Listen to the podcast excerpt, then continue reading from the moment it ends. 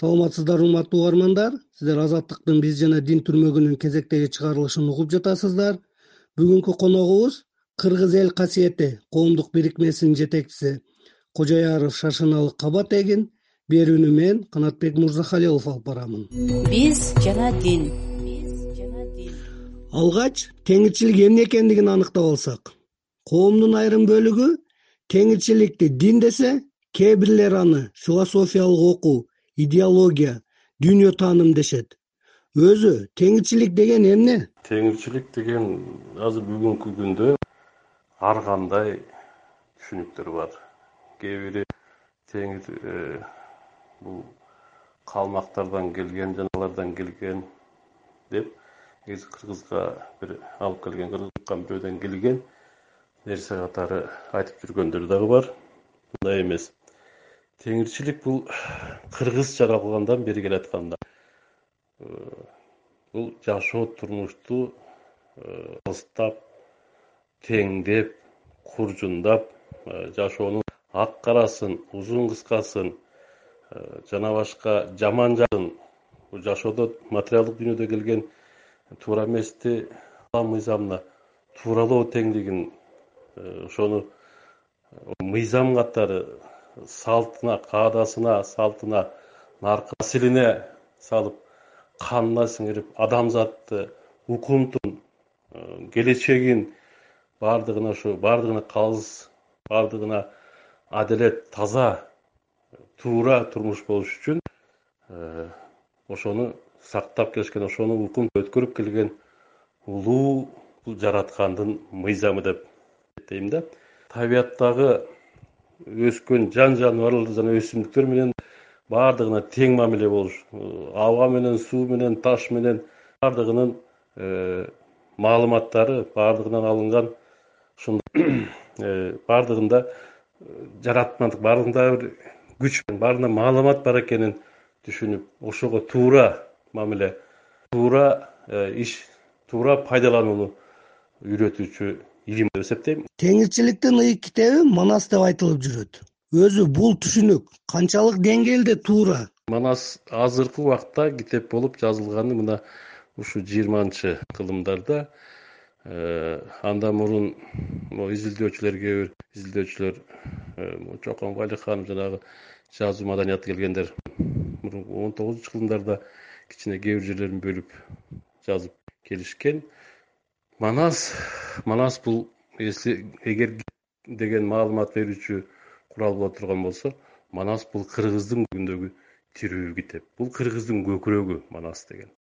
Манас деген бул асман менен жердин тирөөчү ай менен күндүн бир өзү алтын менен күмүштүн ширөөсү э, мына ушул нерселерди философиялык э, багытта дагы муну чечмелей келсек сөз бүтпөйт түпкү нурунда ошо адамзат жаралганда ушу асман менен жерди үчүн унутпастан үзүлбөстөн ошону жерге түшкөндө кайра чачыратпастан адамзатты ушу асмандагы илим менен жараткандын буйругу менен жаша дегенди э, үйрөтүүчү айтып алып туруучу жана ошону жетектөөчү э, илим илим деп эсептейм мен.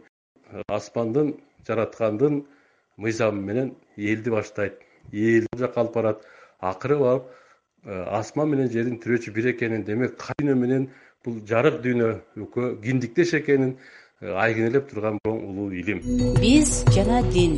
Биз жана дин кыргызстанда теңирчиликти диний уюм катары каттоо маселеси эки миң он экинчи жылдан бери көтөрүлүп келет.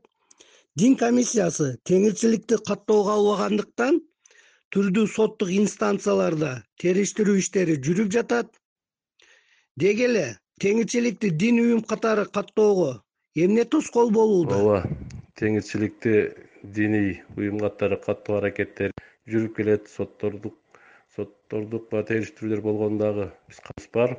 Э, кээ бир ошондой уюштуруу иштеринде катышкан күндөрүм дагы болгон.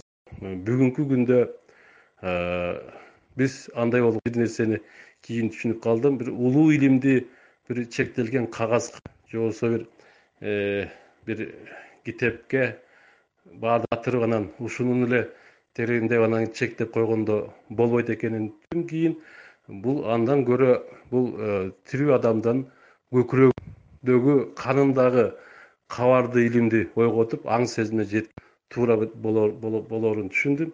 Ошондуктан бул теңирчиликти каттоо бул э, дин катары каттоону мен эмес экенин бүгүнкү күндө андан көрө бул негизи эле каада салтты э, үрп адатты. Ошонун туура маңыздарын туура маанилерин э, кайрадан жаңыртып ошону шайкечтеп өзүнүн баштапкы абалына алуубуздун жети ошол өзүбүздүн кыргыздын салты менен жашоого өтсөк мына ушул теңирчилик мыйзамы катары теңирчилик эрежеси катары болоруна жетет салттык дин деп эсептелген ислам дининдеги э, жүргөн адамдарга карама каршы келип калат деген э, жүйө менен э, мындай катталбай турат азыр. Но бирок бул нерсенин дагы ислам дини менен теңирчилик карама каршылыктары жок экенин мындай терең изилдесе түбү ошо кыргыздын улуу салтынан кыргыздын улуу мына турмушунан да баардык эле шариаттагы нерселерди ошо менен окшош экенин табууга болот да. Деги эле теңирчилик дин боло алабы? Аны каттоонун канчалык зарылчылыгы бар деп ойлойсуз? Дил түшүнүгүн кандайдыр бир китепке чектөөгө рамканын ичине дилди орнотуп салууга болбойт. Дил чексиз илим бул асман ааламдагы э, кайып дүйнө менен э, байлан ушул дил болот. Ал эми э, дин бул ошондон иретти. Кайсы бир убактагы туура жолдон адамзатын тескери жолго кетип аткандагы э, ошондой багытта асмандан жараткандан түшкөн буйрук эреже болгон дин бул э, адамдарга түшкөн иреттелген нур болуп эсептелет.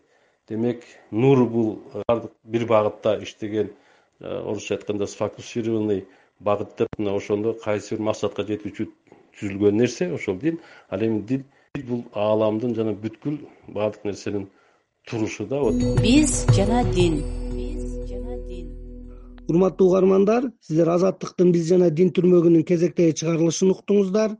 Бүгүнкү биздин коногубуз кыргыз эл касиети коомдук бирикмесинин жетекчиси кожояров шашыналы кабатегин болду.